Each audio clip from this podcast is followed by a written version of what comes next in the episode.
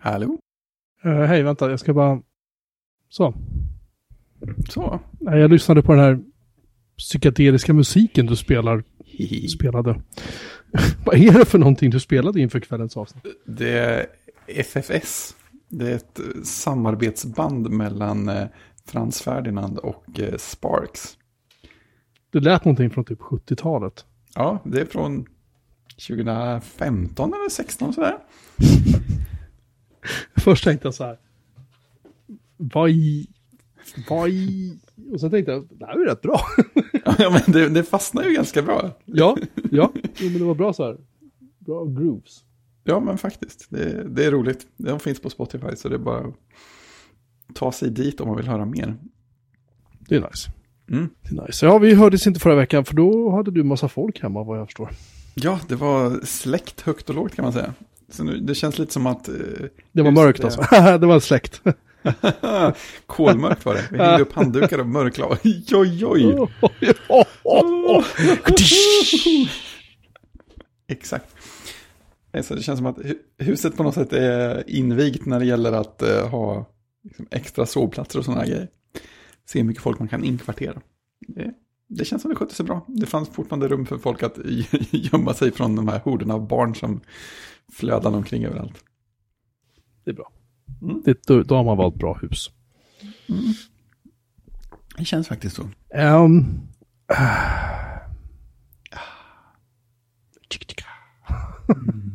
jag jobbar den här veckan, sen har jag semester två veckor. Och Ah.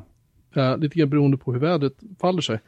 Mm. Så förutom att jag ska bygga färdigt saker och ting så tänkte jag också nu äntligen börja med eh, Python. Jag har bestämt, jag har, nu har jag ett projekt. Nu har jag ett riktigt Oh, projekt. kul. Vad är, vad, är det, vad, är det, vad är det? Är det hemligt? Ehm, eh, så här, när jag, ehm, jag körde ju massa Fidonet och FS6-net och alla möjliga typer av meddelandenätverk i min Amiga-baserade BBS. Just det. Och eh, med tiden så blev det där liksom, det, det blev lite struligt med importen av, av eh, de olika texterna och, Mm. för det var så mycket. det var så. Ja, det kan jag tänka mig. Så då tänkte jag så här, men det här gamla hedliga fina systemet Sclaffcom som jag har pratat om tidigare flera gånger och det. eh, som då körs på FreeBSD och som eh, min tidigare kollega Marcus Sundberg har tänkt oss, för det var någon nämligen som försökte porta Sclaffcom till Linux en gång i tiden. BBSen Common kördes på ett system som heter TCL och Common och TC, TC, han som utvecklade TCL, Ulf Edlund, han sket han tyckte det var inget kul längre så han slutade uppgradera det och så.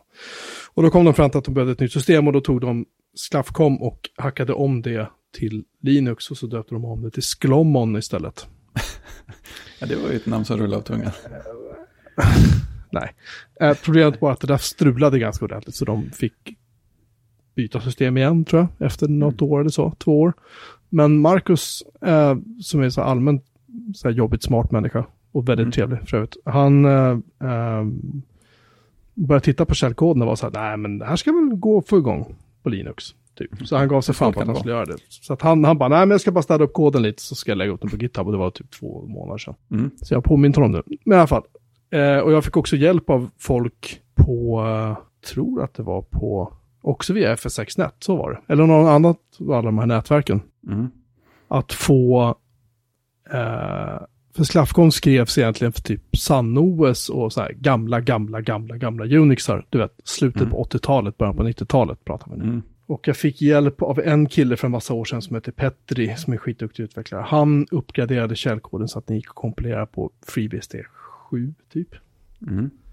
Och sen har jag typ så här försökt få, lyckas få upp den till 8 och 9. Och 9 tror jag det var någonstans där. Då brakade allting för då gjorde de om någonting i FreeBSD och sen fick jag hjälp av någon Mm. på typ FSX-net eller någonting. Han var så här, ja ja, nej men papp, papp, så, så nu kan du installera på FreeBSD 12.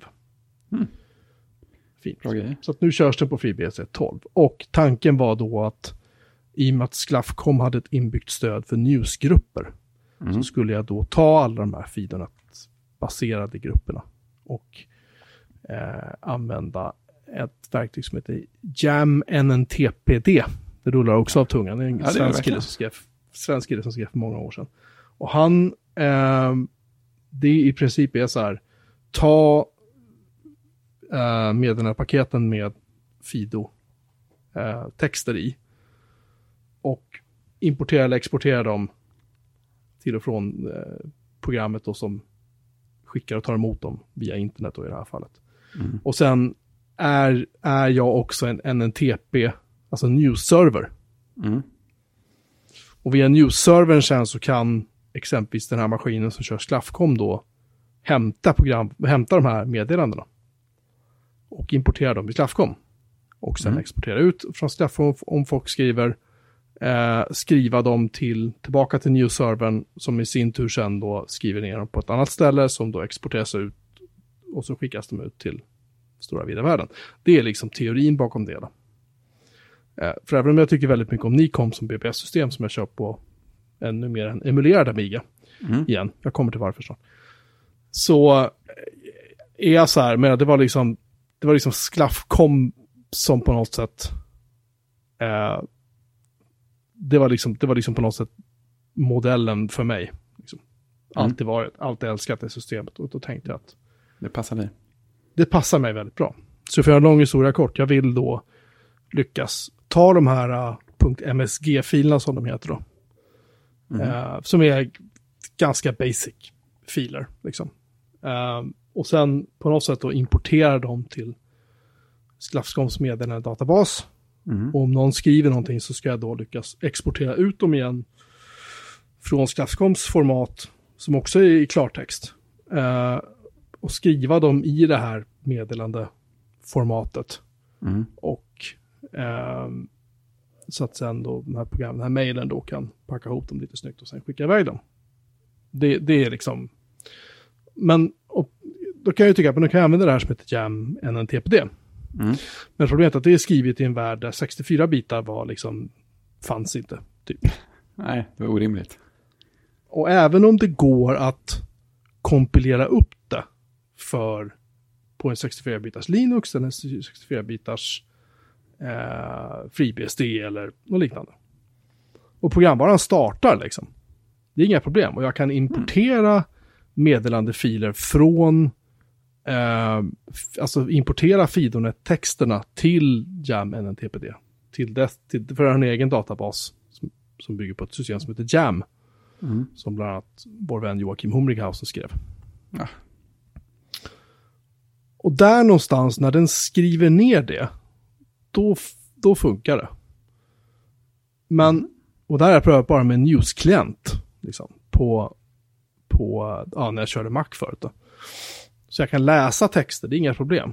Men om jag skriver någonting eh, och postar någonting liksom, och, och till den här news fiktiva newsgruppen, det vill säga, ja, det kan vara ett feeden, ett eko eller vad som helst. Och då skriver den ner det i den här Jam-databasen utan problem. Men sen när det andra programmet ska läsa ut det från Jam-databasen igen, då kan den inte läsa det.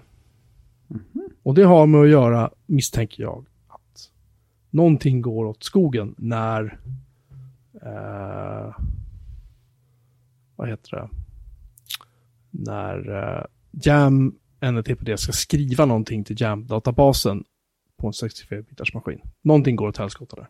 Mm. Så min idé var att hoppa över Jam NTPD-grejen helt och hållet. Eh, och importera messagefilerna till Sklaffcoms format. Skriva dem på rätt ställe. Och sen när man skriver någonting tillbaka så ska den då exportera ut eh, filerna tillbaka till det här programmet. Så det, här, det kallas för en tosser. Ja, I det fallet, I fallet så är det ett program som heter Crashmail. Mm. eh, som är 64-bitars eh, kompatibelt. Mm. Ehm, och det här är lite grann samma sätt som Nicom gör det, för Nicom läser också de här messagefilerna Mm. och eh, skriver dem helt sonika till, till kataloger där de lagras och sen så har man bara ett index som, eh, som den här tossen kan läsa sig av, där tossen själv lär sig liksom att eh, vilken är den sista fil jag skrev. Ja, just det. Och finns det nyare filer utöver det, eller filer som, eh, Som inte jag har sett. som inte jag har sett, då exporterar jag ut dem. Det är det fula. Alltså, det, här, det här är ett fulhack, men nu tror jag att det är det här fulhacket jag vill göra, Mm. tänkte jag. Ja, och så en liten, liten hackad brygga däremellan, eller vad man ska kalla det. Eh, nej, men tanken, tanken är på något sätt att, att bara ha, alltså, ur- jag förklarar för så här. Filerna kommer, först kommer alla de här meddelandefilerna in som typ zip-filer. I de här zip-filerna kan det finnas mellan en till hundra till tusen filer som heter siffra, siffra, siffra.msg. Mm. Varje siffra någonting.msg är en, ett inlägg i ett sånt här Fido-eko då. Ja, just det. Sen om Just det det. är Fidonet eller FS6net eller vad de nu heter, det spelar ingen roll. Den här tossen tar sen de här filerna. ehm, eller förlåt, nej, sorry, jag tar tillbaka. Jag börjar om från början. Mailen, kommer in igen. mailen, ja, men jag, jag har inte hållit på med det här på skitlänge. Det är därför jag har glömt bort lite grann ut. Mailen tar emot, mailen heter, eh, eh, den hette Binkley Time tidigare, nu heter den ju Binkley något annat. Den kör, den kör, det är den som kör över internet i alla fall. Jag har pratat om det här förut. Mm. Det finns ett gamla avsnitt för de som vill höra det. Och eh, hur som helst så, um, BinkD heter den, förlåt. BinkD tar emot zip-filer. I zip-filerna så finns någonting som heter PKG-filer, alltså package. Mm. Eh, och package-filerna tar ett program, en tosser, och det är det här programmet som heter Crashmail. Den packar upp de här package-filerna. Skriver ner de här MSG-filerna till rätt kataloger. eh, på filsystemet, där det är en katalog per eko så att säga. Ja, just det. Eh, och där sen är då tanken att jag ska säga åt Sklaffcom på något sätt, antingen att, eller via min programvara då, ta de här MSG-filerna, importera dem till Sklaffcom. Eh, och sen om det är så att det skrivs någonting nytt så ska de exporteras ut tillbaka till de här MSG-mapparna där MSG-filerna ligger och Crashmail ska då se dem när den ska exportera. Det är så jag har tänkt. Ehm, och Nikom gör det här ungefär på samma sätt som jag nämnde tidigare, fast med en liten skillnad. Är att Nikom går in i eh, de här MSG-filernas kataloger och skriver och läser där direkt. Så antingen måste jag lyckas få Sklaffcom att göra det, eller också så måste jag konvertera filerna mellan de här två formaten de som är. Just det. Ehm,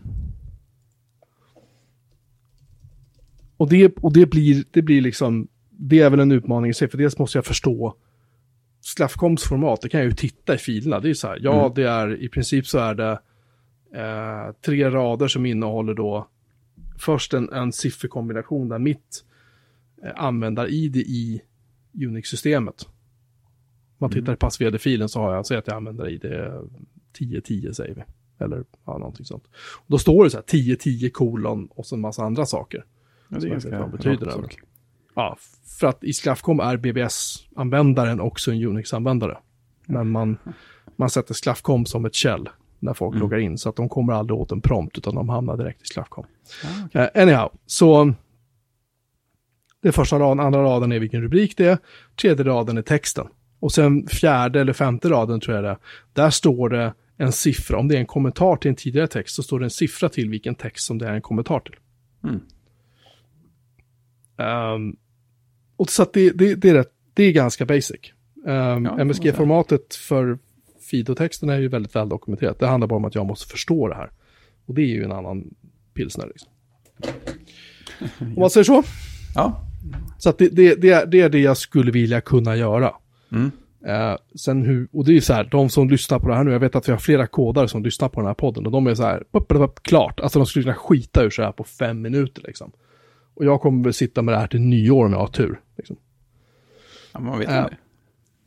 Nej, det, Det- frustrerande, det frustrerande här är ju det att om JAM NNTPD hade fungerat så hade jag inte behövt göra någonting av det här. Nej, just det.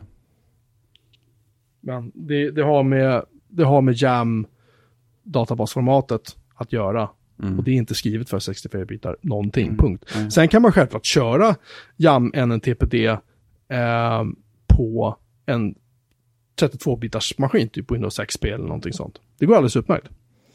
Men då är problemet att eh, när Crashmail ska skriva sina, när de packar upp paketfilerna och ska skriva eh, filerna till YAM-databasen, som YAM TPT läser, eh, då går någonting åt skogen där istället. Jaha. Eh, för att de kan inte prata med varandra. Eh, jag kan inte dela ut en nätverksdelning på eh, YAM-databasen från maskinen där YAM TPD körs. Till en annan maskin som skriver till den. För det funkar inte heller. Så det är så här. Uh, Mm. det är asböket liksom. Ja. Men det, det låter ju som att det kan ju vara ett precis lagom stort projekt att göra också. Det är ju det är lagom många rörliga delar om man ska säga. Eh, Så är det ju. Liksom. Och jag har ju letat rätt länge efter så här... äh, Ett pro- äh, det är så, ska man lära sig programmera måste man ha ett projekt, så är det bara. Ja men det känns lite så. Jag är ju sån också. Jag tycker det låter som lagom stort. Så här konkret och bra också. Man vet, man vet när det är klart. Ja, så att för mig är det så här, jag har, den har stått nu i hela sommaren och bara tagit emot så här inlägg varje dag. Och jag har så här, jag vet inte, 150 000 Fidonet-texter liksom jag kan labba med. det är en bra, en Det bra räcker, bas. det räcker med en. Ja, Ja. det räcker med en. Liksom. Och visst, jag skulle kunna lägga in allt det här i ni kom igen, men det vill jag inte göra. Jag vill göra det här eh, i Slaffcom på något sätt istället. Mm. Mm. Ja, så det är i, i Python helt enkelt. Jag tänkte det. Jag har, hittat, jag har läst, läst vidare och jag fick eh, någonstans på Reddit så läste jag om att det finns en editor som heter PyCharm Ja, just det. som tydligen ska vara trevlig om man kodar i Python. Mm. Jag vet att eh, Tobias har pratat om den. Och gillat den. För Ja. eh, många, många avsnitt av Kodsnack sedan.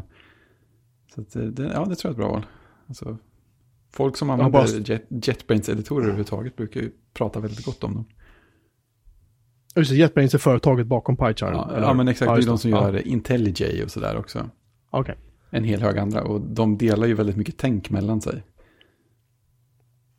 Right har, man, har man kommit in i en av deras produkter så gillar man i, i princip allihop lika mycket vad jag förstått. Det var till och med så att, att eh, Tobias hade någon period där han behövde skriva lite eh, iOS-kod eller någonting sånt där. Och då körde han till och med deras, eh, vad hette det nu då? De hade, de, hade, de hade i alla fall ett ID för eh, typ eh, iOS-utveckling också, vilket ju kändes som ett helt hopplöst projekt att liksom alltid springa strax efter Apple. Men de hade ett och det funkade tydligen bra om man gillade deras ID-tänk. Så. Mhm. Jag eh, ska i alla fall försöka eh, börja titta på det här på något sätt. Det är skoj. Fan vet hur det kommer att gå. Ja, det vet man aldrig, men Python är bra. Folk gillar Python. Finns det inte massa gamla så jätteabstrakta XKCD om hur fantastiskt Python är? Jag kommer inte ihåg. Nej. Bara importerade rätt Python-paket och så allting. Så kunde man bara flyga iväg över universum. Det låter ju väldigt inbjudande. Ja, men exakt. Om man inte blir flygsjuk förstås. Det är bara jobbigt. Ehm, I alla fall. Sen eh, har vi lite tråkiga nyheter. Och det är ju att tidningen Datamagasin nu har gått i graven Mm. efter... Ja, den har levt i 90, nej, 20 år. 20 Ja, det- år sedan den startades upp igen, ska jag säga. Den här, upp, andra den här upplagan av Datamagasin har levt i 20 år. Ja, Ehm, och innan dess så levde den ju från 86 till 95 tror jag det var. 94 eller 95, jag minns Ja. inte nu på det är raken. inte dåligt. Andra inkarnationen levde dubbelt så länge. Ja, lite så. Impressive. Eh, så att det blev väl 20, säg 28, 29 år totalt. Mm. Inte För en tidning, för en, dag, för en datortidning. Ja, det kan precis. jag säga. Det, den har överlevt alla konkurrenter från, Ja, som, Från under dess livstid. Liksom. ja, det är imponerande. Men det är skittråkigt. Den, den Mm. kommer, eh, det, innehållet kommer att ersättas då med 20 sidor datamagasin som kommer att vara i varje nummer av antingen tidning i mobil eller tidning i ljud och bild. Och Mm. Eh, de som prenumererar på datamagasin har fått tidning i mobil, tror jag. Mm. Eller om man fick välja, jag vet inte. Eh, Och eh, deras webbsajt kommer fortsätta finnas kvar, vad jag vet. Okej, så den, den kommer att posta ungefär som den har gjort nu eller? Eh, det vet jag inte. Nej, jag, har nej, det jag, har, jag har bara smsat lite snabbt med Anders, han är på sitt Mm. landställe nu och Ja. tar igen sig misstänker jag. Jag kan tänka mig det. Eh, Anders är alltså han som äger datamagasin som är Mm. chefredaktör för den. Och eh, så att vi ska väl höras av sen när han kommer hem så får jag väl Uppdatering. försöka, försöka prata allvar med honom. se, se hur läget är liksom. Ja, men exakt. Nej men, det, nej men det är skittråkigt. ja, det är klart, det är supertrist. Det jag jobbade ju där mellan, fan var det? Början på, det måste vara mitt, mitten på 2001 tror jag jag började där. Och så slutade jag mitten 2005. Då hade jag Mm. gjort, då hade jag liksom varit, först hade jag varit testredaktör på IDG på nätverkskommunikation i ett år. Innan dess hade jag frilansat för tidningen i typ tre år. Och sen så klev jag av det och så testade jag en annan grej. Så här riskkapitalfinansierat bolag, det gick åt helvete. Och sen Mm. så började jag på datamagasin. Jag började frilansa lite på datamagasin och sen så hade jag sån här sjukt bra timing att jag lyckades bara landa i det jobbet för att ett datamagasin som den var nu var ju en sammanslagning av PC Plus och PC Extra som var två tidningar som där PC Plus skrev mest om hårdvara tror jag det var och PC Extra skrev mest om mjukvara. Det kan ha varit tvärtom, men, Ja. men eh, det var liksom uppdelningen. Mm. Och vad som hände var att eh, Medströms dataförlag som de hette eh, köpte upp ett bolag nere i, ett förlag nere i Växjö som jag tror hette Boss Media. Jag kan minnas det här är så många år sedan nu. så- Ja. Det fanns ett Jag som hette Boss slutade- i alla fall, det kommer jag ihåg. Jag Ja, jag alltså jag slutade där för 15 år sedan, så jag är lite jag det är liksom inte längst fram.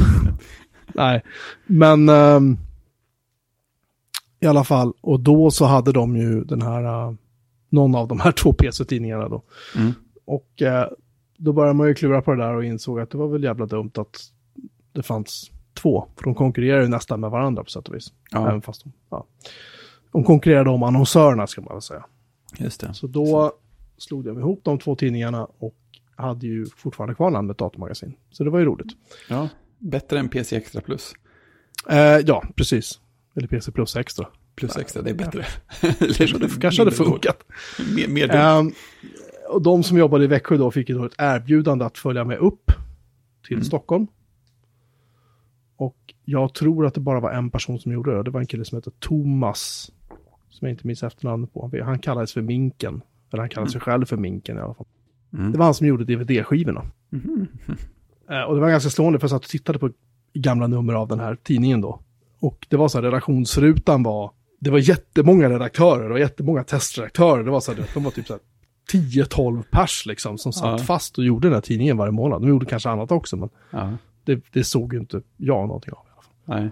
Och eh, på Datamagasin var vi, det var jag, Lasse och Pet. Lasse var chefredaktör, Peter var redaktionschef, jag var testredaktör. Thomas gjorde CD-skivan. Och sen hade vi Linda som gjorde layout. Så vi var fem pers liksom som var fast. Så Mm. att säga. Sen hade vi hjälp av en annan kille som layoutade också typ halva datamagasin som heter Andreas som jag fortfarande jobbat med när vi gjort Mm. datamagasin retro. Ja, just det. Jävligt duktig kille. Mm. Ehm, han är för övrigt gift med Linda. Bra bra familj. Ja, men de är jättefina båda två. Ehm, och ehm, och vi, körde ju, vi körde ju mestadels allting med frilansare liksom. Mm. Bara för att hålla kostnaderna nere och så Mm. fick vi in bra texter liksom istället. Mm. Så det var ju lite så här, äh, det var lite så som vi hade gjort. För att jag och Peter som var redaktionschef, vi kom ju från IDG. Båda två. Så vi hade ju, vi hade ju en helt annat liksom tempo och sätt att se på saker och ting. Så att det hände ju rätt mycket grejer när vi kom in. Ja, Peter kom in, han började, han började typ någon, må någon månad eller två före mig tror jag det var. Ja. Eh, och det blev, det blev liksom ett jävla ös på den här redaktionen och vi hade grymt bra frilansare. Uh, Bo Löf eh, som skrev en bok som hette The, The Wiki Way bland annat. Ah. Bo Leuf, han var våran, han skrev artiklar åt, så här extremt tekniska artiklar åt oss liksom. Eh, Kommer jag ihåg. Han skrev, han skrev så här, vi, vi kallar det för Bo Löv-texter.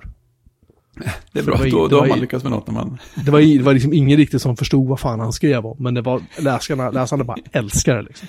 Det är grymt. Eh, ja, vi hade jättemånga bra frilansare liksom, som, Ja. som var skitduktiga och de allra flesta lämnade i tid och lämnade bra grejer liksom. Och, och Mm. Sådär. Så att det var liksom, det var, jag kommer ihåg vi, det måste ha varit 2000, det var julnumret 2002. För det var liksom, det var årets nummer, det var liksom stora numret där alla annonser skulle in. Det var no- Ja. numret som kom ut i, ja, typ mitten, slutet på november någon gång. Det var så, det var så tungt. Det var så mycket annonsbilagor i så att jag tror varje utgåva vägde, jag minns inte detaljer, jag tror att den fick väga typ ett kilo eller någonting. Det var något sånt där. Ja. Eh, och, den här, och den här vägde typ så här, två och ett halvt kilo styck eller något sånt där. Det var helt, alltså det var, det är galet. ja men du vet, alltså, vi kunde ju liksom, datamagasin var ju, den kunde vara 180 sidor lång per nummer, det var liksom inga problem. Nej, det fanns ju alltid. För det fanns alltid annonsörer att ta in och det fanns alltid skitbra artiklar att ta in. Vi hade ju, Mm. på den tiden hade vi alltså 20 000 prenumeranter och 20 000 lösnummer som vi sålde varje månad. Så vi sålde alltså Jäklar. över 40 000, ja, minst 40 000 varje månad, oftast mer. Det är ju grymt. Eh, och det roliga var liksom att konkurrenterna på IDG, de lanserade ju du vet, tidning efter tidning efter tidning. De försökte hitta varenda nisch att täcka upp liksom. Mm. Eh, och de garvade ju ganska hårt åt datamagasin där borta. Det vet Mm. jag. Mm. Ehm, För att den var för generell, om- eller vadå? för att den, den, det var lite som kusinen från landet liksom. Ja, ja, okej. Mm. Eh, många av omslagen på datamagasin från när den startade upp igen till 23, 24 någon gång. Eh, de gjordes ju av Lasse, chefredaktören själv. Han tyckte ju om att hålla på med så här 3D-rendering och sånt. Ja, Och de, de kunde ju se ut som, liksom, fan hans moster ibland. Så. Det hej, kom igen. kunde vara så här, han hade renderat någon så här pingvin med jättespets i bara, ja men det är bra, Linux, här, kör. Så här, kör. Och alla var så här, men vad, äh, okej då. Ingen orkar liksom säga emot det, men, men grejen var att läsarna älskade, de tyckte det här var lite kul liksom. Ja, så att vi var en så här, av det. ja, det funkar väl liksom så här. Så att, så att det var ju, vi hade skitbra stämning på redaktionen liksom överlag. Det var så här, klart någon gång ibland det kunde bränna till liksom sådär, men, Ja, men, men det- eh, Det hör ju till. men det var jävligt roligt liksom. Mm. Ehm, och det var en kul stämning på förlaget och sådär. Men nu, jag, just, jag minns just det året när vi skulle, det här julnumret skulle iväg. Och posten liksom ringde och klagade. För brevbärarna, brevbärarna var förbannade för den var så jävla tung liksom. Ja. Och de, de fick inte in den i, i, alltså i brevinkasten Nej, på vissa klart. lägenhetsdörrar. Nej. Så vi, så vi fick en faktura från posten. För Oh. liksom mer porto. Ja, Och det var en ganska rejäl faktura så. Men, men vi gick ändå med vinst så det bara visslade om det liksom. ja. Ehm, Det var här tidigare kul. kul grej. Sån grej i tidning. Det är en sån här tid som inte kommer tillbaka igen. Nej, det kommer inte att göra. Jag minns, jag minns en gång när, eh, när Lasse hade skrivit i en led, för på den tiden, Blackstory-skrivare var ju ganska poppis. Mm. Och är väl fortfarande på sätt och vis förstås. Men, men eh, det som då var ju, det var ju så att du kunde i princip gå på Elgiganten och köpa en Blackstory-skrivare för 199 spänn. Liksom. Ja. Och så skrivaren var liksom billigare än vad bläckpatronerna var till den. Mycket Det billigare. var ju så här, all, ja det var ju allmänt känt liksom. Så han skrev någon gång, nej, nej så var det inte alls. Det var en, annan, det var en annan grej, som jag kommer till sen. Jag satt, jag satt och träffade Lexmarks dåvarande PR-chef i Sverige, en kvinna. Som Mm. var jättetrevlig i övrigt så.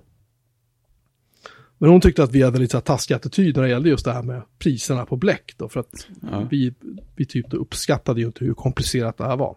Att fylla en nej. liten plastburk med bläck liksom. ja, precis. Du tycker synd om oss Äh. eh, utvecklare. Och jag tror att jag hade skrivit någonting i stil med att liksom i något test jag hade gjort av Blackstory-skrivare. Eh, om det var en eller flera minns jag inte, men det, det var ett test i alla fall. Att, att eh, den här skrivaren är så bra, det är synd att patronerna är så dyra bara. Och liksom, så det, det är väl bara att du köper en ny när patronen tar slut, för det är ju billigare. Och så typ listade vi upp Mm. lite grann, vad kostar bläckpatronerna ungefär. Det var någonting i den stilen i alla fall. Mm. Och det var ju självklart att Lexmarks skrivare hade skrivit dem. Mm. Så hon, hade ju, hon kom ju upp till relationen helt oanmäld och var, skulle ju samtala med mig. Då, så vi gick in i konferensrummet och jag fick ju jordens utskällning. Liksom. Eh, Men jag höll fast, jag stod fast vid det jag sa. Att liksom, vi, vi tycker att det här är helt horribelt. Ja, det är, det är lite absurt. Ja, men det är Så samma de, sak som alla som använder den skrivare tänkte också, så det är ju inte som att det var något, så här, det är bara du i hela världen som har fått den här idén. Nej. Nej, fast grejen var att vi kunde vara ganska stora i käften för vi hade så Mm. pass mycket i ryggen i form av upplaga, en stadig Ja, upplaga som liksom aldrig, den egentligen minskade aldrig men den ökade aldrig heller, utan den var stadig, ganska stadig Mm. som jag minns det i alla fall. Sagt det här är Mm. 15 år sedan. Men framförallt så hade vi också sjuka mängder annonsintäkter. För på den här Mm. tiden så fanns, vi hade ju en webbsida. Men det var ju inte så att det var så här, Det var inte dit folk gick. Eh, nej, utan det var, och liksom förlaget var mer så här internet. Ah, vi, nej, vi får väl, ja, vi får väl Nej. se så här liksom. Precis. Och jag vet, så publiceringssystemet var byggt av några lallare. Mm. Som jag tror var inblandade ifrån den här Växjö-tiden på något sätt.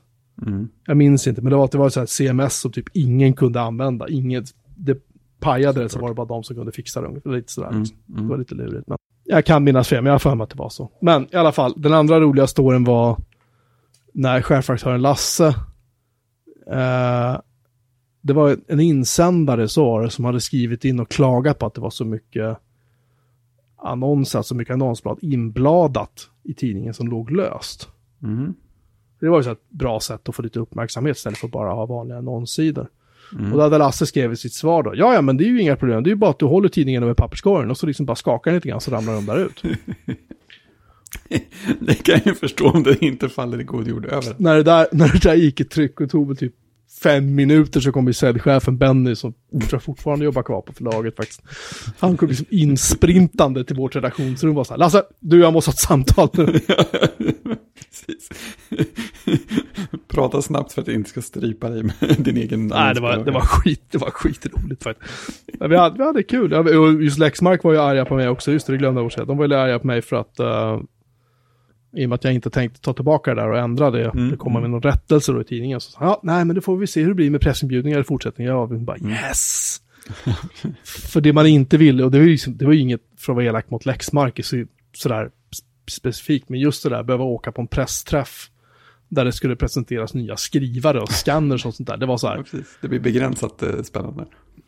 Alltså det var ju straffet på något sätt, Mm. om man säger så. Så det, det ville man ju inte gärna utsätta sig för. Men, men, äh, men äh, det dröjde inte länge faktiskt förrän jag fick en inbjudan från Lexmark att åka till, jag vet jag berättade det här förut, men, men jag för mig att det var Monaco de ville skicka mig till. Eller om det var Mm. Monte Carlo, Monaco var. På en pressvisning för att titta på nya skrivare och jag var så här, jag hade rest jättemycket. Jag tror jag hade typ 15 resdagar i månaden, det var som värst liksom. Oh. Och eh, det kostade mig mitt första äktenskap i princip. Och det kostade mig ganska mycket annat också. Men hur som helst, jag hade bestämt mig för att nej, jag ska inte resa så mycket mer. Det får fan räcka nu. Och då hörde de av sig och ville skicka mig till Monaco. Och jag bara, nej, nej, nej, nej. Bara mejla mig bara releaserna när ni är klara sen. Så. Och bilder och så, så kan vi titta på det. Tack. Tack men nej tack. Och liksom de hör av sig igen bara, men alltså vi, det är första klass liksom. Så här, och du, så här, du be- behöver inte, oh, vi skickar hem det på kvällen, du får åka taxi hem och det var så du vet. Och vi var så här, ja men alltså, nej. Lite pressetiska regler. Alltså vi, vi lät oss ju, ville de skicka oss någonstans för att att liksom, få gå med på en presentation så fick ju de betala resorna. Ja, men det kan man ju köpa på något sätt. För att vi var så här, om ni inte kan presentera det hemma så fine. Då får ni väl, då får ni pröjsa liksom. Eh, men vi var väldigt, alltid väldigt noga med att påpeka att vi garanterar inte att vi skriver om det här. Nej. Och det var, och det var resor jag åkte på där jag inte skrev en rad. För det var bara, Mm. det här är ju helt värdelöst. Mm. Eh, hur som helst så, och de fortsatte liksom att smöra och smöra. Till slut så var de så här, ja men alltså vi skickar limousin till flygplatsen och så får du gå på röda mattan vid hotellet. För det här var i sam samband med Cannes filmfestival tror jag det var. Ja, okej. Jo, kan var det. Just det, kan var det. Mm. Eh, och jag bara så här, jag bara sa det, hör ni hur fånigt det här låter? Ni ska presentera några skrivare, alltså nej. Och de hade fått press på sig uppifrån förstås, att ni ska Ja. skicka ex-journalister från Sverige och ingen vill ju åka. Liksom. Mm. Men så där var det. Det var liksom, jag vet de kunde locka med, jag var nere på någon resa med Philips. Det var, det var till Monte Carlo minns jag. Det var inte de första Mm. resa jag gjorde med datamagasin. Och det var ju så här, det var ju fint väder och det var flådigt och allting. Och alla var så här, ja fan nice, kolla en strand. va?" Nej, nu ska vi in i ett konferensrum i sex timmar liksom. Jo, konferensrum är ändå konferensrum oavsett var, Ja. man, var man hamnar någonstans. Och så var det så här, men ni får flyga till Amsterdam. Man bara, men kul, får man se Amsterdam? Bara, Nej, det får ni inte för att mötet hålls på hotellet bredvid flygplatsen. Liksom. Ja, just det. Yes, och så typ tillbaka till terminalen och så hinner man typ ta en öl och sen är det bara tacka och görs. Nej, fy fan. Mm. Nej, jag var så trött på det. Så att det gjorde mig. Jag Mm. åkte inte på den där Lexmark-resan kan jag säga. Bara flygplatser och konferensrum alltihopa. Eh, nej, jag åkte inte på några resor alls. Efter det Nej. i princip. Jag tror jag Nej. åkte på någon med, sen när jag körde Mac Pro så åkte, skickade Apple mig på ett gäng resor. Mm. Jag var i London, jag vet inte hur många gånger jag var i London med dem. Eh, när soptunnel Mac Pro kom så var ju, det var jag och så var det Anton ifrån eh, Nordic Hardware. Och så var det eh, Petter, presschefen. Petter, som då var presschef på Apple. Det var Just vi det. tre som åkte ner. Vi var de enda tre som åkte ner. Eller jag och Anton var de enda som var bjudna.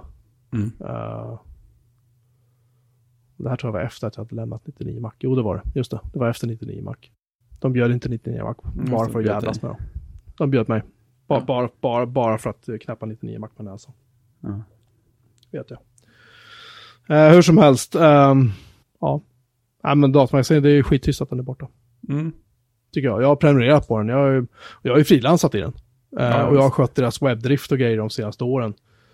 Och jag har ändå betalt för den. Eh, Mm. För att Anders hade inte råd att ge frilansarna. För annars var det kutym att frilansare för tidningen så fick du en gratis. Liksom. Mm. Men Anders körde inte det. Han sa att jag har inte råd.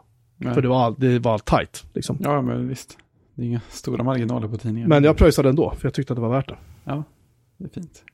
Sådär. Ja, är Så att, eh, ja, vi får väl se vad som händer i framtiden. Mm. Sådär. Ehm, jag nämnde också tidigare att jag kör BBSen virtuellt nu igen. Och det beror på att jag håller nämligen på att sälja saker.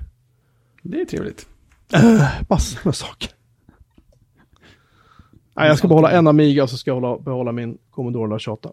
Det är allt jag Mm. behåller i retrodatorväg. Jag, jag, har, jag har inte plats. Jag har, alltså, jag har rensat bara papper och böcker och programkartonger och skit som är liggande. Det var fyra sopsäckar som jag körde till soptippen. Oj, ja. Fyra sopsäckar. Alltså nu kan jag Alltså, gå in i mitt arbetsrum för första gången på ett år typ. ja. Det fanns hörn som var svåra att komma till först. Det är hörn som jag inte har sett sedan jag flyttade in i det här rummet. Just det. Eh, så att det känns ganska skönt. Den, Mm. Jag har en Skriv jag har Amiga-saker och ja, nu har jag faktiskt, nu ser jag mina skrivbord. Nej men det är Commodore, det är Amiga-saker, det är vanliga Commodore-saker, det är eh, en 30-tums Apple Cinema Display faktiskt. Jag har fått fem bud på än så länge. 600, Ja, 675 kronor. Det blir bra. Fem diskettstationer har jag gjort paket av. Fem? Ja. är det någon som behöver fem? Eh, noll bud. Tror Min gamla... F- Vad sa du? Det är inte så att det är lättare att sälja eh, fem stycken separata än fem tillsammans? Jag orkar inte. Nej, jag förstår. Jag orkar verkligen inte. Jag bara alltså. Eh, min gamla 1541 som jag har haft i under hur många år. Den satte jag ut för typ så här 199 kronor. Den har jag fått 12 bud än så länge. Oj, de vill folk åt. Ja, ja, alltså de, det är ju... Och sen, två av de roligaste faktiskt, det är ju dels en liten enhet som heter Atari SLMC 804. Och då tänker du, vad, jaha, vad är det då? Ja, ungefär så. Eh, Atari gjorde nämligen en laserskrivare som hette SLM 804. Okej. Och det här var en, ett gränssnitt mellan Atari ST och den här laserskrivaren. Och det står så här, Atari Laser på den. Oh. Och så står det Busy och så Power, det är två olika lampor. That's it liksom. Mm. Allt Och så alltså står det SLMC 804 på fronten. Det är liksom det, och så är det typ en kabel som kommer ut. Så. Och den har jag haft liggande i, jag vet inte hur många år jag har haft den. Så jag satte ut den för 10 kronor. Jag tänkte så här, jag vill bara bli av med den. Det känns dumt Ja. att kasta den. Ja, visst. Den är uppe i 13 kronor nu, men jag, så att jag har fått fyra bud på den. Fyra bud. Om någon, om någon nu har en sån laserskrivare så är det ju jätteroligt. Ja, det är ju fantastiskt. Det, an, det andra är ännu mer fantastiskt. Det är ett, ett inbyggt modem för Amiga 2000. Som heter Supra Modem 2400 plus. Oh, super. Gjorde inte de hårddiskar Mm. och sånt också, eller? Gjorde allt möjligt. Ja. Ehm, och det här modemet funkar, det funkar bra. Jag har använt det själv till, till BBSen. Uh, men vem köper ett sånt modell? Jag har fått ett bud på 50 kronor för den och det, det är okej. Okay. Ja. Jag släpper den för det. Portot är mer än vad kortet kostar för att skicka den. Det kan jag tänka mig. Um, och sen medföljer det disketter och någon terminalprogram tror jag det var med något serienummer på sådär. På tre mm. disketter också. Det är ju trevligt på. Men liksom, ja. jag vet inte vem som ska ha det här. Nej, men man blir lite nyfiken. Helt, helt ärlig. Ja, det är lite spännande. Så att det, det är lite kul. Kul att de har fått bud. Liksom. Mm. Kul att min gamla 30-tummare har fått bud, för det trodde jag faktiskt inte. Ja, men så, nej, ja, det kan jag i och för sig förstå. Mm, alltså, folk gillar ju gammal Apple-hårdvara. Den ser ju fortfarande jo. snygg ut att titta på. Jo, alltså den är jättefin den här skärmen. Det, mm. det är inte det, men vad ska jag ha med den till? Ja, men precis. Den är ju inte praktisk till vardags heller direkt. Nej. Den tar ju inte noll med plats heller. Nej. Den, den är ganska rejäl, kan man ju säga mm. då. Utan, utan att ljuga. Ett bra nätagg. Men den är cool. Eh, mm. Cool eh, skärm och sen så, ja titta här jag har satt ut en sån här um, RF-modulator för Amiga 500 som heter Commodore Amiga 520 heter den. Mm. så att det också var typ så här 10 kronor styck tänkte jag så här. Vem vill ha de här? Jo då, alla fyra. Jag har fyra stycken utlagda. Mm. Alla fyra är det budkrig på. Så att de är, nu är de visserligen uppsatt typ så här 17 kronor, 19 kronor kanske. Men det går uppåt. Ja. ja, men de kan jag ju förstå att efterfrågan på. Det måste finnas en hel del som har en Amiga någonstans som de skulle vilja få liv i och så är det RF-modulatorn som det faller på. Eller någonting sånt. Ja, de, pa de pajar tydligen. Eh, och sen så är det ju inte bara RF-utgång på dem, det är också ja, just det, eh, kompositutgång tror jag det ja. också. Så man kan få digital video eller något, jag kommer inte ihåg. Ja. Ja, men ja, det är kul är. i alla fall.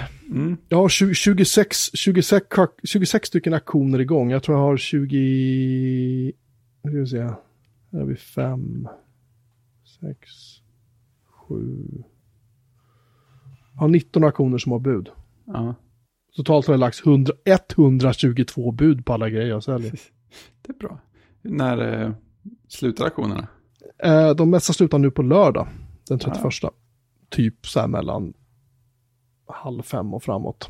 Ja. Ja, då är det ingen större så... mening med att slänga med en länk i avsnittsinfon. Om inte folk är väldigt Nej, det beror på om du, hinner, om du hinner få ut den tills dess. Jag lovar ingenting, som vanligt. Ja, nej. uh, men i alla fall, det ska bli kul att se vad allt det här landar på. Mm. För de, de, de grejerna som är, som jag har liksom höga bud för, typ mitt acceleratorkort för Amiga 2000, som är ja, jättefint också. Uh, den, där har jag fått lika mycket pengar. Budet nu är vad jag gav för det. Det är schysst. Ja, så då känner jag mig ganska nöjd liksom. Det, mm. andra, det andra är mer så här grejer som jag har köpt billigt eller köpt nytt. Och i vissa fall där så har jag, nästan alla fall har jag fått, åtminstone få tillbaka det jag har lagt för dem. Det är skönt. Framförallt så kommer grejerna till användning någon annanstans och jag får mm. mer plats och uh, alltså det är otroligt uh, befriande Mm, men det är ju det. Det är uh, jätteskönt att göra om grejer. Speciellt när det är chans att de kommer till nytta någonstans. Ja, men samtidigt är det också otroligt mysigt att ha alla grejer runt omkring sig. Man kommer in i sitt arbetsrum, mm. allting är städat. Man ser alla de här gamla... Alltså jag hade, jag hade böcker i så här utveckling i POP 4. jag hade böcker om Usenet. Ja, ja. Ja det, är, ja, det är något visst med det också. Så här eh, välvalda lagom exotiska prylar på något sätt. Här står en sån här på hyllan. Det är inte alla som har det hemma. Mm för mig tror jag lite, jag tror lite grann att det blev så någon sorts bragging rights att liksom kolla.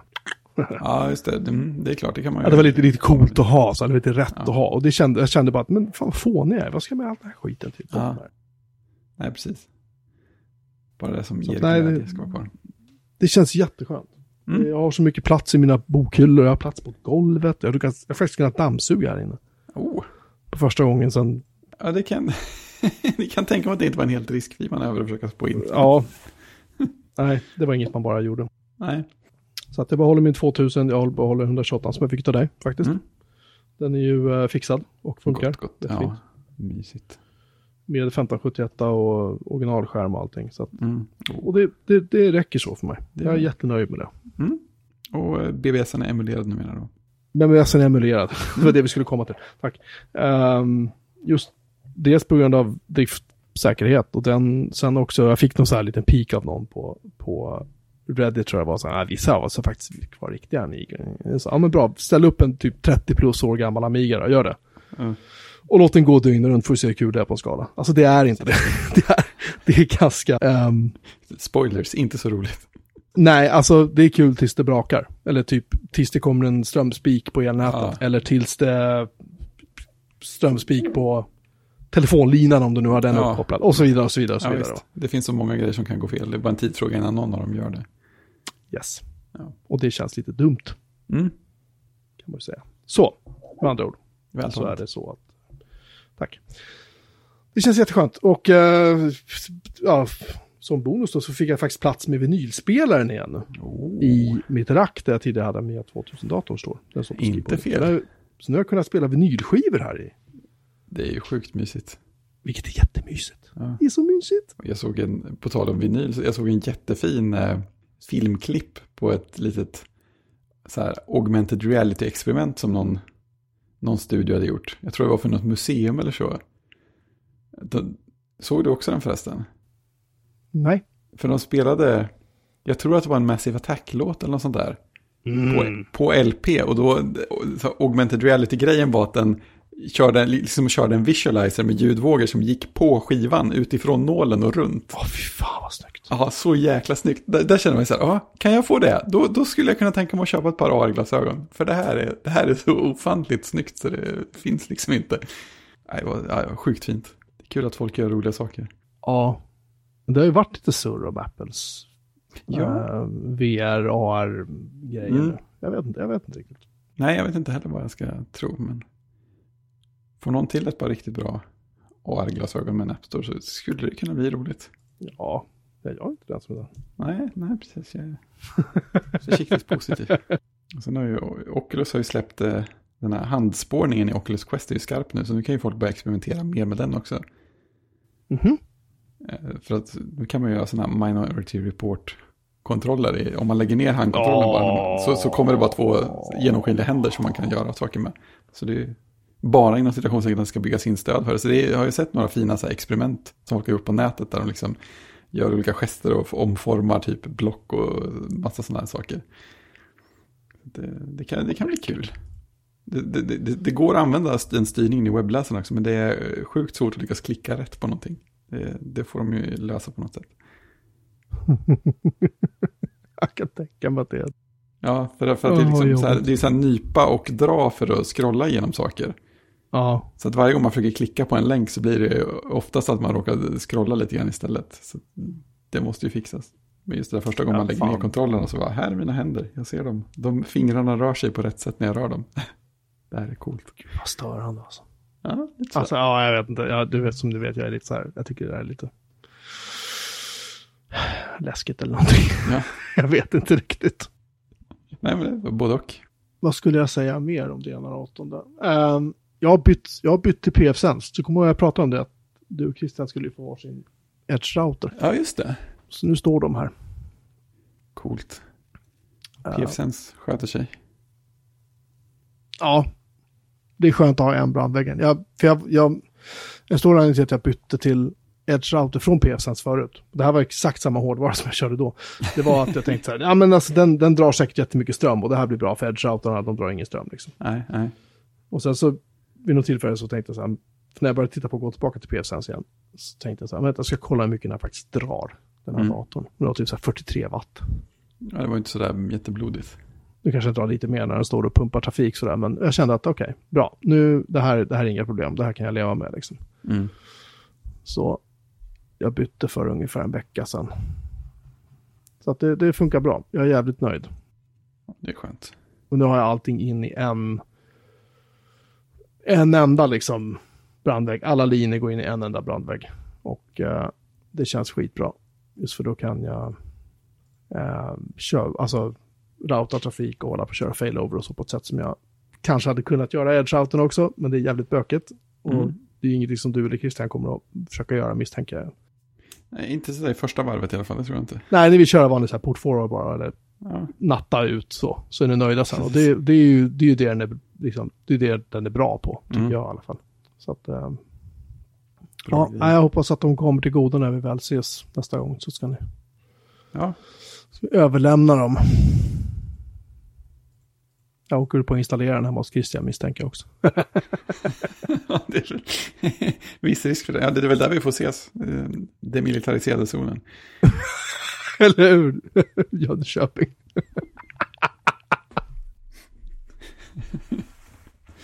Det blir perfekt. Jag ser fram emot det. Eh, Karantänzonen kanske. Ja, på tal om, precis, på tal om karantän så Google ska behålla alla sina anställda hemma i ett år till. Det är rejält. Det, är, det, är, det får man ju säga. Eller hur? Ja, undrar om de eh, så här, skeppar ut grejer till folk och hjälper dem att sätta upp kontor och sånt. Vet dig. Det är en bra fråga. Ja, jag såg en sån fräck, fräck post i, ja men i, det måste varit i mars någon gång. Att eh, när Electronic Arts skickade hem alla, Mm. så skickade de så här flyttteam som eh, packade ner allas grejer och liksom hjälpte dem att montera upp dem på ett ergonomiskt sätt hemma och så där. Så folk fick en riktig arbetsplats med i själva flyttningen. Det är ganska snyggt. Det är ju coolt. Jo, Det är riktigt coolt. Eh, lite logistik att få upp det, men eh, jäkligt bra grej att göra. Alltså. Jo, men ändå. Mm. Det är bra att de tar ansvar liksom. Ja, men exakt. Ja, ett år till alltså. Det är rejält. Ja, till nästa sommar. Mm. Och eh, samtidigt läser jag att Folkhälsomyndigheten antyder att det väl kommer typ braka loss igen till hösten nu då, liksom. Ja. ja, man skulle inte bli förvånad. Nej, så då är ju frågan om när man har, eh, vad heter det? I mitt fall så har de ju sagt att vi ska tillbaka i oktober, november någon gång. Mm. Typ. Men frågan är ju om, om, det, Och det är om, det aktuellt. kommer, om det kommer att vara aktuellt. Precis. Nej, precis. Nej, jag tycker det... Min semester tar ju slut nu eh, den här, med den här veckan. Jag, jag tror inte jag kommer att svänga in till kontoret det första jag gör. Eh, Men eh, jag ska ju få en ny kollega precis i början av augusti också, så det är kul. Får se om, om den personen dyker in på kontoret så dyker vi då dit också för att säga hej. Det, det, det känns, ändå, känns ändå kul. Det kommer inte att vara fullt med folk där i vilket fall som helst, så det kommer att vara rätt lugnt så. Men jag menar, i övrigt känner jag ju ingen som helst. Jag känner inte att det vore en bra idé att sitta på kontoret oftare just nu än, än vad jag har gjort före sommaren. Det känns inte som att så mycket har ändrats att det är helt självklart att jag skulle vara där mycket mer efter sommaren. Nej, jag har börjat fundera på det här. Men tänk om det här, tänk om det är så här det kommer att bli. Liksom. Ja, men precis. Så. Att man kanske åker in någon gång ibland, men annars Mm. är man bara hemma. Tänk vad mycket kontor plötsligt som skulle vara lediga för. Ja, men eller hur? Och hur man skulle kunna göra om kontoren man faktiskt har. Alltså om, om man bara Mm. åker till kontoren för att träffa folk och ha liksom bra, effektiva möten och sånt där, då, då ja, det är rätt mycket kontorsyta man har nu som, man, som inte behöver se ut som det gör nu. Eller hur? Ja, det kan bli är intressant. konkret. Ja. Ehm, vi har ju, vi har ju, nu får du plinga. Nu har vi, nu har vi en stor, stor, stor grej. Mhm. Först vill jag bara, jag, jag kan tipsa om lite gubb-tv när det är som bäst. Ja, Sen har, du, en- sen har du en liten film, tror jag, du ska nämna. ja den, är, den tar så- också, den är kort. Ja, och sen, sen har vi... det, blir, det blir inte ett kort avsnitt.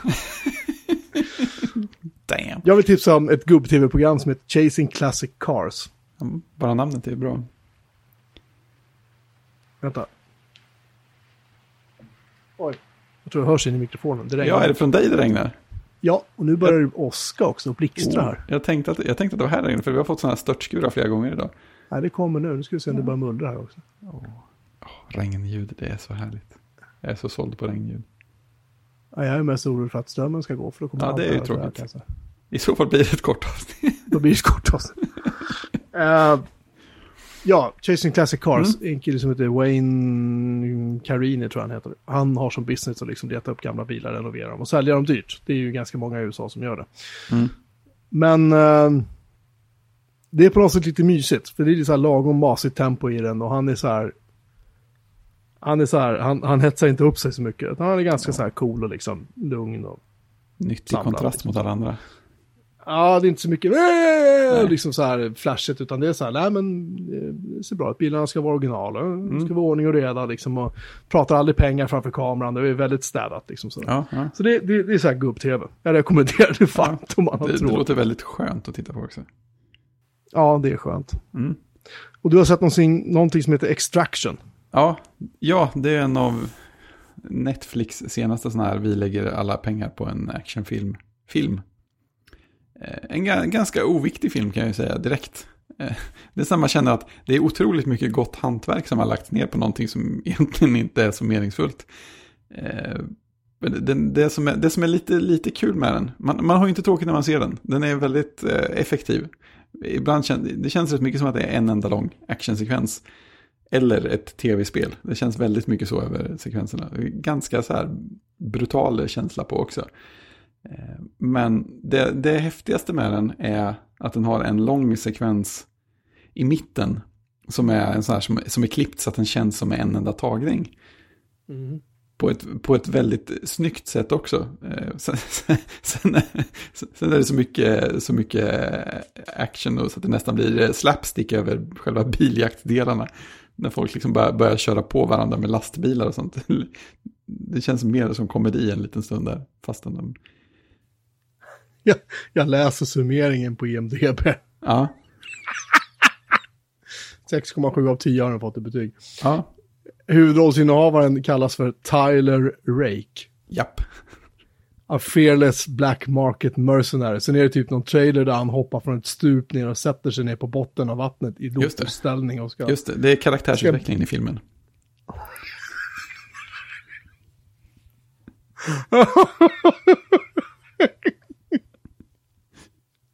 Jag måste se den här, jag bara Ja. måste det. Ja, men det, det, det går att titta på. Det är ju han och så är det två grabbar som spelar hans son. Och sen verkar det mest vara indiska skådespelare. Ja, alltså det, det är kul. Eller jag tycker det är kul i alla fall. eh, För att den utspelar sig i, dels i Indien och framförallt i Bangladesh. Mm. Och jag, jag, det känns väldigt mycket som att de valde Bangladesh för att det är ett ställe som, som de, tänk, de tänker att en stor del av publiken inte har någon koll på. Så att de kan liksom lägga upp det hur de vill. Och de gör ju ett, om man tänker på det, ett fruktansvärt osmickrande intryck av eh, Bangladesh och Dhaka, huvudstaden. Där det är liksom en stor skurk som styr allting, inklusive militären. Och bara kan stänga ner och göra precis som man vill hela tiden. Så det, jag, mm de, var, de var nog tvungna att ta ett ställe som kändes avlägset för mycket folk för att ingen skulle bli för upprörd. Alltså, jag, jag, jag tittar bara på bilderna och, och kan känna hur otroligt dålig den här filmen är. Mm. Jag, jag måste se den bara därför. Ja, men den, den är snyggt dålig. Men jag tycker det är kul att det är så många som eh, pratar, åtminstone för mina öron, rätt språk om man säger. Mm. de, har, de har inte varit så här känt att alla måste byta till eh, engelska med accent precis hela tiden, utan det är ganska många som, dialoger som är på, jag vet inte vilka, vilka språk de nu pratar, eh, någon, någon indisk dialekt och vilken, vilka språk det nu är som gäller i Bangladesh. Det, det är lite skönt på något sätt. Men det är kanske är det bästa med filmen också. Ja. Spännande. Eh, Ja. Extraction. Och Mm. den får vad då för betyg? Ja, den får en tvåa ändå. Eh, Ja, det var ju generöst. Ja, men jag, det, jag kände det. Det är nog ganska generöst. Men jag, jag, det var ändå, jag hade inte tråkigt när jag såg det. Jag, jag ångrar inte att jag la tid. Bara lite. Då ska vi prata om en punkt som du har lagt in. Ja, Alltså kan vi säga att det här är ditt fel. ja men exakt. Jag tänkte försöka lite fast det är lite roligt. Det, ja. Eh, du ska lista vad du tycker är Mm. de tre bästa Star Wars-filmerna genom Mm. tiderna. Och sen Mm. ska jag göra samma sak. Och sen kommer vi att ha ett gräl på två timmar här. Precis. Sen klipper vi. Sen går strömmen. ja, ja, just det. Det bästa är om det kommer direkt efter att jag har sagt min lista men vi inte har hunnit säga någonting om den. Just det, Okej. en, störning, en störning i kraften som man brukar säga. Börja. Ja, så topp tre. Eh, vi börjar Är med det trean. alltså från tre, är det, du börjar på trean? Okej. Ja, så det, det är 3, 2, 1 som kommer. Ja. Så nummer tre, The Empire Strikes Back. Okej. Ska vi, jag, jag tar listan så diskuterar vi sen va? Mm, mm, mm. Nummer två, The Last Jedi. Nummer ett, Rogue One. Intressant. Ja, jag, jag, kände, jag kände det.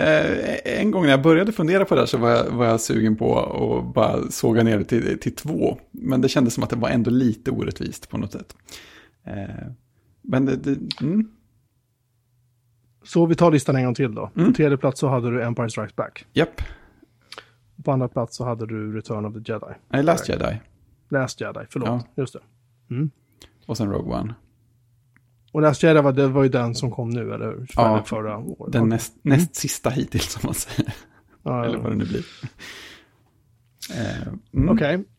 Ehm, Empire kan jag hålla med om. Den Mm. är ju, den är ju grym. Ja, Det är, nog, det är ju den bästa av de tre eh, första, om man säger så. ja, precis. Och jag, jag tänkte också på det så att det, det, en- jag antar att man får, kan säga att det är den första filmen som vet att den är en Star Wars-film.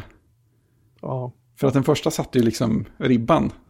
Så på, så på ett sätt hade den kunnat göra vad som helst och det hade blivit Star Wars. Men Empire hade ju ändå eh, något Star Wars-uppfattning att förhålla sig till och gjorde något. Byggde ut det väldigt mycket, byggde på det. Ja. Ehm.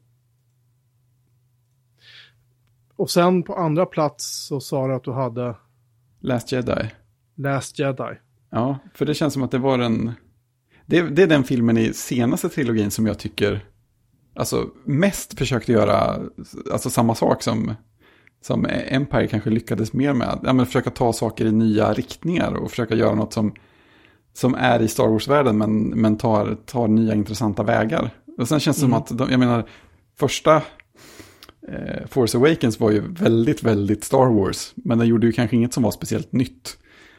Och eh, vet, Rise of Skywalker tog ju det som Last Jedi hade gjort och ganska nogsamt styrde tillbaka det till något som var lite mer klassiskt och liksom avslutade alla gamla karaktärer och sådär. Men Last Jedi försökte göra massa saker som jag tyckte var, var intressant och kul. Och det känns som att det hade kunnat spinna iväg åt så många andra håll som hade varit spännande utifrån den. Mm.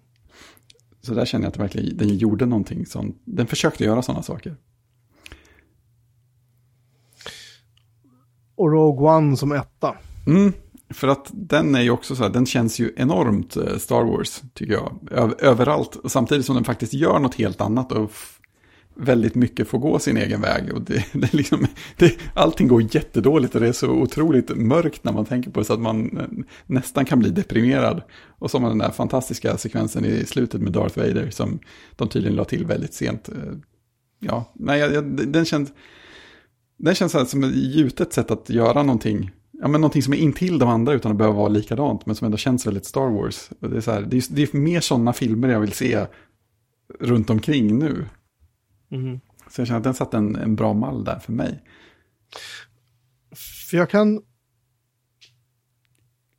Alltså, jag gillar Rogue One också jättemycket. Mm. Ehm, men det jag kan ha emot egentligen ganska många av alla Star Wars-filmer, det är så här, narrativet är så här, början på en planet någonstans, eh, något barn av något slag blir bortrövat, Just det, just eller det. finns där av någon anledning som ingen Ray, Mm. eller ehm, är adopterad av sin farbror Luke. Just det. Eller, alltså, du alltså, ja, mm, mm, det är jäkligt sant. alla de, här, alla de här börjar ju på något sätt, så att de har ju typ, det är egentligen samma story om och om och om och om igen. Mm. Som du sen klär med kring karaktärer och liksom det. händelser av olika slag och så. Liksom. Precis, ibland är det inte en ökenplanet. Det är ganska revolutionärt. Det, är- det är kul, men det verkar Ja. vara mycket ö- ökenplaneter i den där Japp, japp. galaxen. Um, ja, men jag, tycker lista, jag tycker din lista är intressant, helt Mm. klart. Mm. Ehm, det var skönt att du inte hade med liksom, Return of the, alltså Jedi hade jag väl kunnat, Mm. alltså tre, förlåt, nej sexan blir. Ja, den, den, den kan man ju leva utan. Ehm, alltså jag, jag tycker den är bra. Men jag tål inte de här jävla Wookie-nallarna just det, just det. faktiskt. Ehm, jag tycker det blev för fjantigt med dem. Mm. Sådär, och det, det är typiskt George Lucas. Han kunde ju, Inte låta bli. Äh, på något sätt så kände jag som att det, det var ungefär hans bidrag till filmen. Liksom. Ja, när de Ja. så här lägga ut fall, snav, snubbeltrådar för walkers och sånt. Ja, det blir bara så. ah. Ja. Ja, nej. Eh, jag tycker din lista var, var väldigt bra. Jag tycker din lista var, var väldigt intressant. Jag tycker det är Mm. skitkul att du hade Rogue One som etta. För det hade inte jag. Nej, det är ju spännande, spännande. Ehm, jag har en topp tre-lista som börjar på som tredje plats, eh, Force Awakens. Mm, mm. Och det har jag väl inte för att den är ett så supercineastiskt mästerverk. Den är, den är absolut väldigt bra gjord. Mm. Men för mig hade den en väldigt stor impact just för att det här var filmen man väntade på. Ja, eller hur? Det är ju, att, att den lyckades med det överhuvudtaget är ju Ja, stort.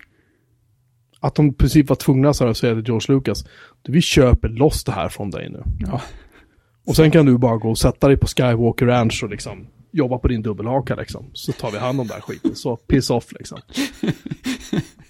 sätt dig på Skywalker Ranch och jobba på din dubbelhaka. Det är fantastiskt. Ja, men lite så. Ja, ja men det Eh, här har du dina pengar. Så. Mm. Allihop. Och det gjorde han. Och det var ju väldigt bra. För sen tog det ju fart va. Um, ja, på något sätt har jag en svag känsla av att stora anledningen till att det inte blev fler Star Wars-filmer förutom prequel-trilogin eh, var nog just på grund av George Lucas. Att det var ingen som ville ta i det liksom. Ja, man kan ju tänka sig lite grann det. Nå någonting var det ju, helt klart. För jag minns, jag minns ju när den första eh, Phantom Menace hette den va? Kom. Mm. Och den hatade ju alla.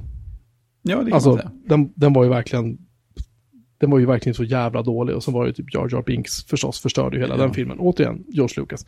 Och sen var det ju del två, den minns jag inte ens vad den hette. Attack of the Clones är det va? Ja, det kanske det var. Och det var ju bara så här ändlösa CGI-renderade fält med robotar som slogs mot varandra ungefär. Det var bara, Ja, allt var så glamsigt och polerat och ingenting. Alltså, det var så Nej. totalt icke Star Wars. ja vi råkade slå över till den. På, eh, den gick på någon tv-kanal någon gång. Och så, det första jag sa var, det här ser ut som Star Wars, men det kan inte vara Star Wars för det ser så billigt ut. Ja. Jo, men det var det. Mm. Och sen, och sen kom ju trean, eh, vad heter den nu igen? Det var ju Return of the Sith. Revenge of the? Sith. Revenge of the Sith. Mm. Och den, den var väl så här, eh, Den ryckte ju upp sig i alla fall. den var inte, den var inte superdålig. Och det jag kan störa mig på lite grann är att hon, uh, Natalie Portman som spelar Leia, att hon var, liksom, hon var lite så här, hon var lite i, liksom, jämfört med andra Ja, kvinnliga. Fick, ja, men precis. Hon fick väl nästan Liksom- att göra va? Nej men hon var bara så här, ah, Anakin, Anakin, ah", Mm. sprang runt och höll på och liksom han, uh, Johan McGregor som spelade Obi-Wan Kenobi, han var liksom också lite så här, ja men nej, nej, nej, så här, inte gå till den mörka sidan nu istället för bara ta tag i henne, bara Mm. sopa på henne och bara så här, skärp dig för helvete. Nej, nej, nej, så här, han, alla var så jävla menlösa liksom. Ja. Men, men hon, hon beskrevs ju som så här riktigt, hon beskrevs ju nästan som ett våp liksom. Mm. Eh, mamman till Luke och till Leia liksom. Alltså man blir så här, vad fan kom igen. Ja, liksom. precis. Måste ha varit lite mer tåga i henne. Ja, eller hur? Eh, och jag tycker det är synd att den rollen skrevs på det sättet. Det var väldigt tydligt att det skrevs av en man som inte förstår kvinnor. Och det såg man ganska tydligt också hur, hur Leia sen Mm. användes i första Star Wars-filmen, eller del episod 4 då. Men jag tycker, jag tycker inte att den var superkass. Nej, det var inte Då fick man ändå se så här, hur blev Darth Vader Darth Vader? Mm. Det kändes, visst det är ju en efterhandskonstruktion och allt det där, men det var lite kul att se. Mm. Men, den är absolut inte med på min lista. Nej, precis. Utan min lista började ju då med, med Force Awakens på tredje plats. Just för Mm. att den på något sätt tog tillbaka oss till Mm. Precis.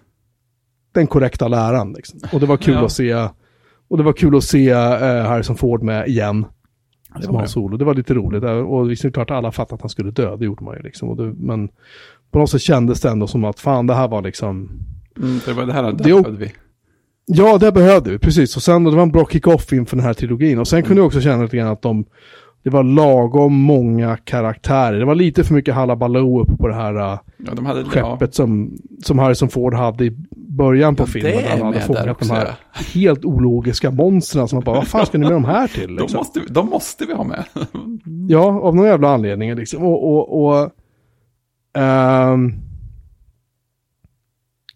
den, den biten kunde de bara i princip ha klippt bort eller trimmat ner eller gjort någonting Mm. annat med. Det behövdes liksom inte. Nej, det kan jag hålla med om. Men det jag upplevde att, för det, för det var ju någonting jag inte gillade med framförallt den sista nu då, det var ju som vi pratade om för några veckor sedan, att det var så att det, det blev ganska rörigt. Det var jävla Ja. tempo, det var jättemånga karaktärer, det var jättemånga som skulle på något sätt ha sina 30, 60, 90 sekunder på duken liksom. Just det. Eh, och jag upplevde att Force Awakens inte riktigt var så. Nej, Den- det den var mer så här- Hophållet på det sättet va?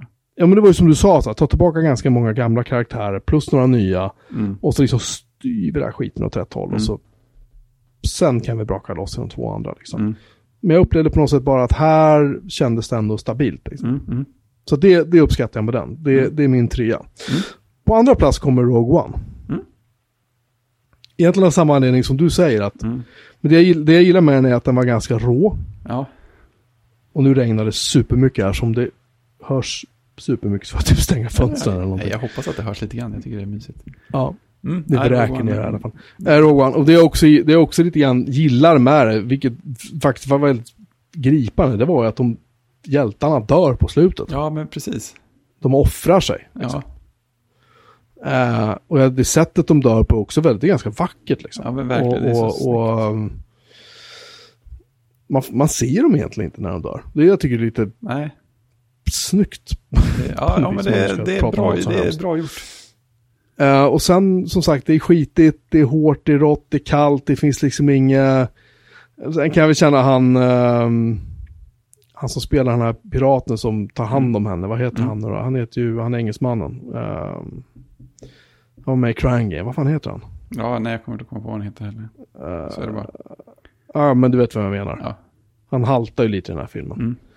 Vad fan heter han nu igen? Uh, måste vi kolla bara för det. Ja, okej. Det här är viktigt. Det är det faktiskt. Så att det blir rätt. Jag har det ju på, eh, jag har det ju på, på, på, på läppen bara. Ja.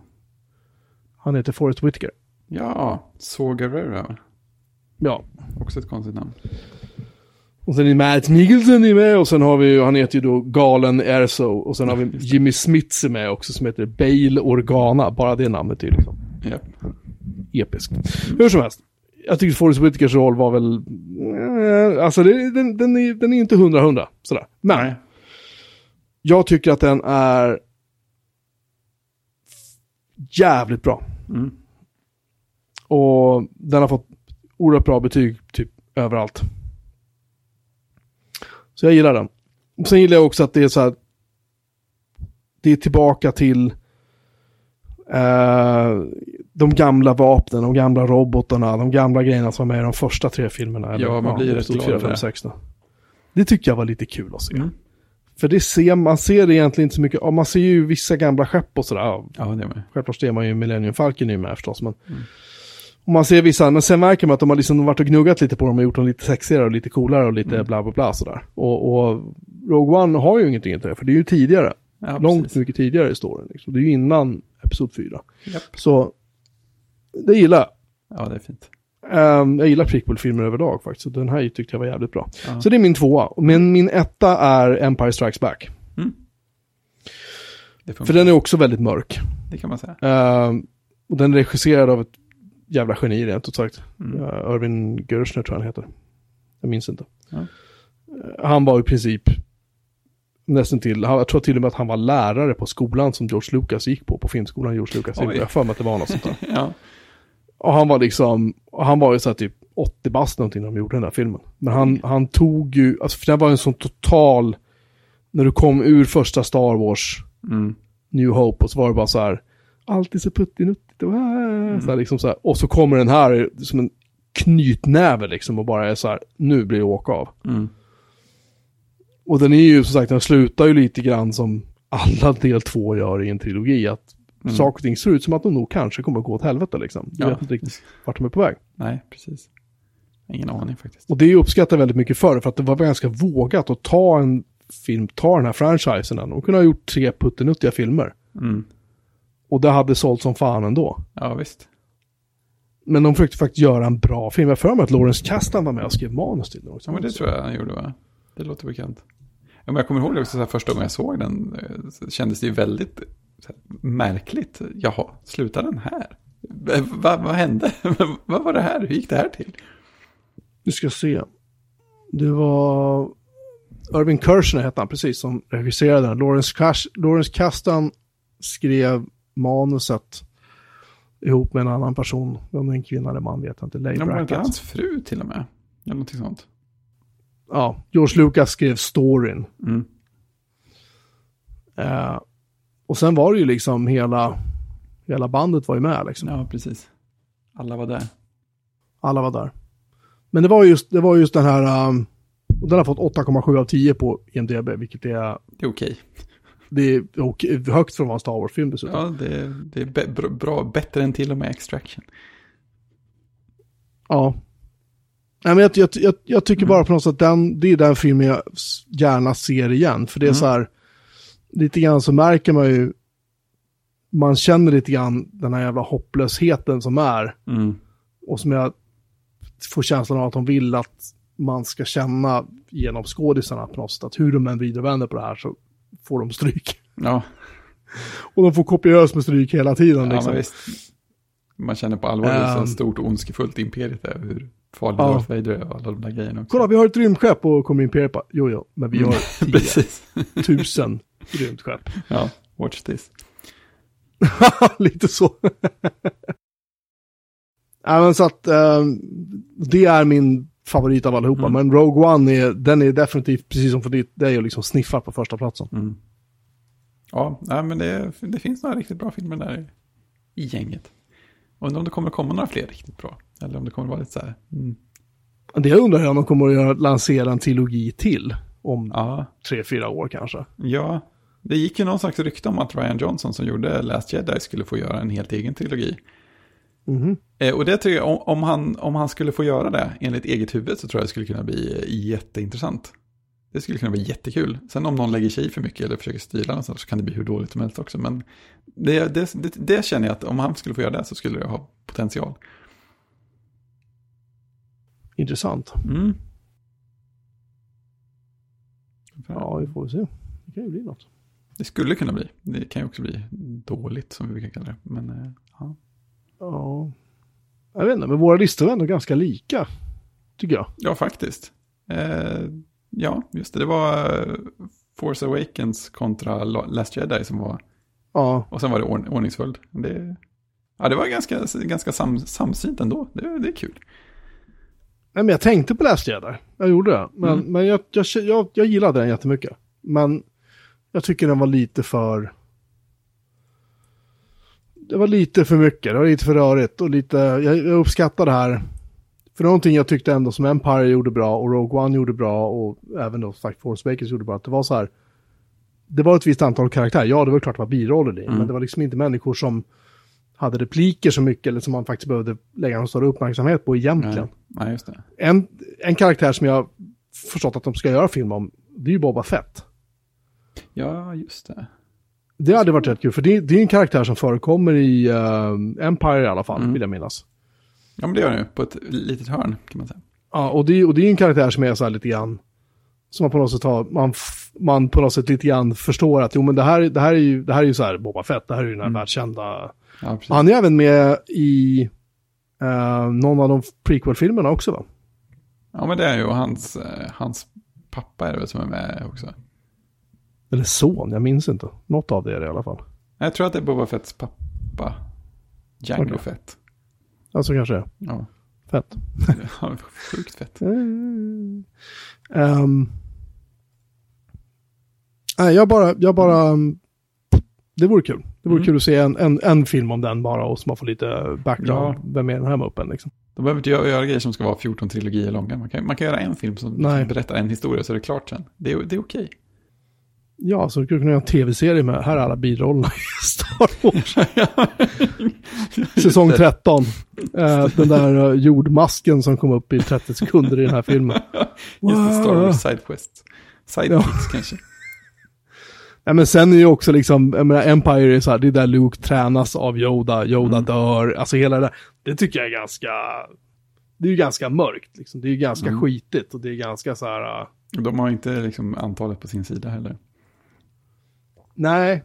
Sen de var i Norge och filmade är lite kul också. Det Ja, det är fint. Uppe på Hardangervidda, Akkurat. där har jag varit. Där har jag varit, fast så visste jag inte om att de hade filmat Star Wars där. Nej. De har inte lämnat för många spår efter sig. Nej, nej, det kan man väl inte påstå. Vilket ju är positivt det med. Typ så. vad skulle jag säga? Nej men uh, kul ändå. Mm. Då är vi hyfsat, uh, hyfsat nära varandra i våra Ja, listor. Det precis. känns ju bra. Behövde inte bli ovänner idag heller.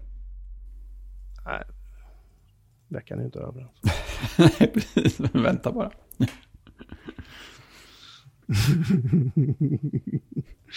Ehm, ja, och med det kanske vi ska ta och stänga butiken. Mm.